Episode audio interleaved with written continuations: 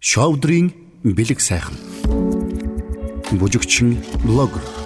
J7 хувцсны брендинг үүсгэн байгуулагч. 1996 онд төрсөн.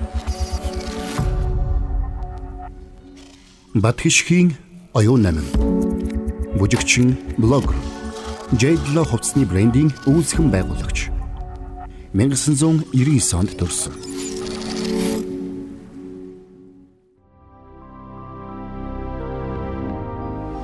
Библи бол шашинлаг номлол биш.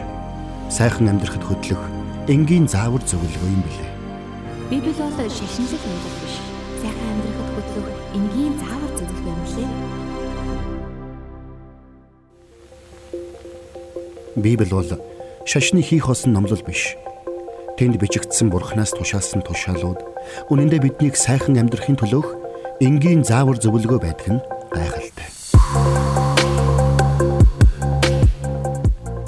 гайхалтай. байхдаа дүүнэрийн хамтаар хамаатны ихчээрээ Есүс Христийн тухай сонирхолтой түүхүүдийг яриулдаг байлаа. Бас Игэл телевизээр Библийн бааtruудын тухай хүүхэлдэйн кинонуудыг үзэж гайхалтай сайхан түүхүүдэд хэдийнэ автаж бүгдд нь итгэсэн.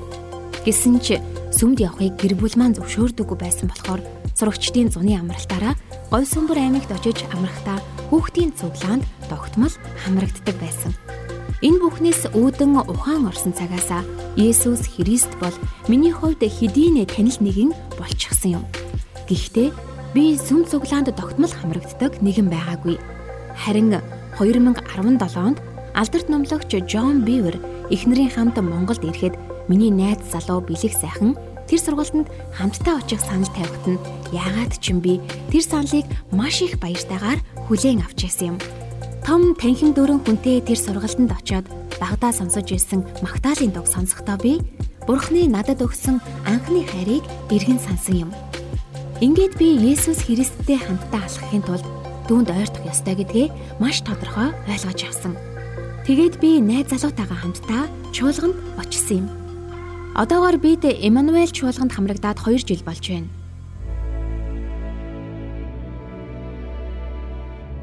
2014 онд дотны анд мөнхөө маань Есүс Христэд итгэдэг. Бас чуулганд хамрагддаг гэдгээ надад хэлсэн. Тэр найз маань надад нэг л онцгой сэтгэл төрүүлдэг байсан. Түүний цаг баримтлал, төлөвлөгөө, бусадтай харилцах харилцаа, гаргаж байгаа шийдвэрүүд их цэгцтэй. Бас цэвэр ариун санагддаг байсан учраас би үргэлж түүнээс суралцаж үлгэр дуурайлал авдаг байсан. Тэр амжилтын хөтөч гэсэн номыг байнга авч явж уншдаг байсан учраас би ч гэсэн түүнийг нь хаяа авч уншдаг байсан.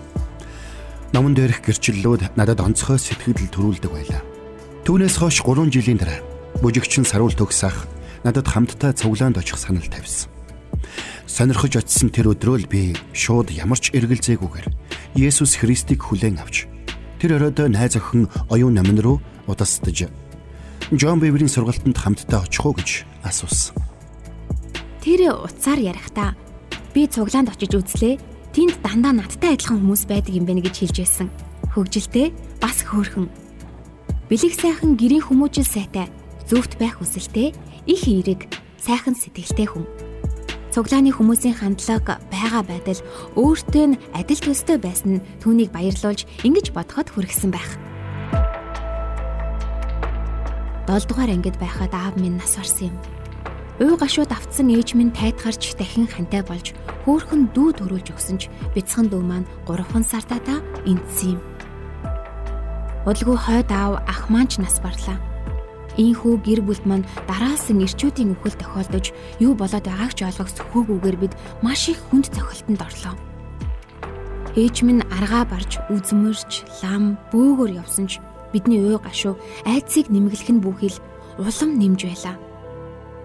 Лам биднийг өхлийн хараал дайрсан гэсэн. Тэгэд намайгч бас удахгүй өхөн гэж хэлсэн учраас би үргэлж үхлээс айхайдас тээж явах боллоо. Тэр үед би бэлгээтэй үерхэж эхэлсэн байсан. Түүнийгч бас өхөлд алтчихгүй гэхээс маш их айдаг байлаа. Би айдас үл итгэлээр дүүрсэн. Энэ бүх цаг хугацаанд маш их зурчил, архиталт, хэрүүл тэмцэл миний гэр бүлд байсан болохоор манайх хэрүүл маргаан дуу чимээгээрээ удамнтаа нэртэй аль байсан. Яаж чагсан гэр бүлд би төрсөн юм бэ гэж үргэлж харамсаж, бусдаас ичиж, нууж, тэр бүхэндээ цөхрөвч, бусдад муугаа үзүүлэхгүй гэсэн бодолтой зүрх сэтгэлдээ маш их бартан болчихсон байсан. Эцэст нь би Бурхны ариун бас үнэн хайрыг эргэн санаж, эргэлт буцалтгүйгээр итгэл дээрээ бат зогссон. Ингээд үхлээсээ хайцаасаа баг багаар чөлөөлөгдсөн. Имануэль чуулганд итгэлийн ах эгч нартай болж Бурхны талаарх бүх нууцыг олж мэдснээр олон эргэлзээ минь норон унсан. Чуулганд ирснээр бид хоёрын харилцаа амьдрал өмнө нь хизээж байгаагүйгээр өрөөгдсөн. Библи бол шашны хийх хосон номлол биш.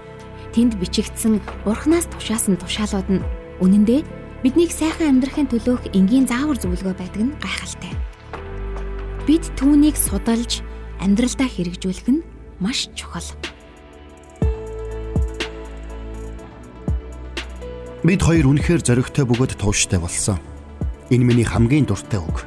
Бас надад үргэлж тэнхээ өгдөг ишлэл. Цуглаан тамрагдж ихэлснээс хойш бидний амьдрал тэр чигээрээ шинчлэгдэж, өөрчлөгдсөн.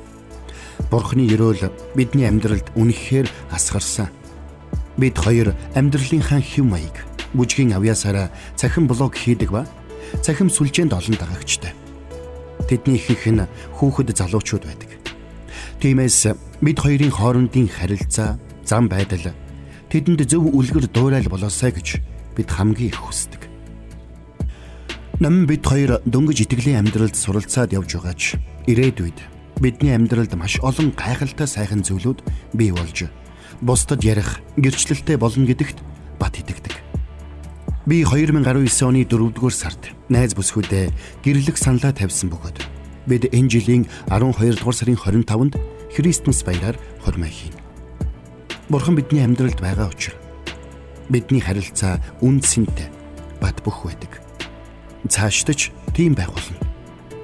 Дашрамт хэлэхэд тоонот гэрт толгой холбохын өмнө гэдэг хосын номыг заавал уншиж судлаарай гэж залуу хосуудад зөвлөмөр байна. Бидний хизээж сонсоогүй, мэдэхгүй үнц нь гайхалтай амьдралыг бүтээхэд хэрэгтэй мэдээлэл тэнд бий.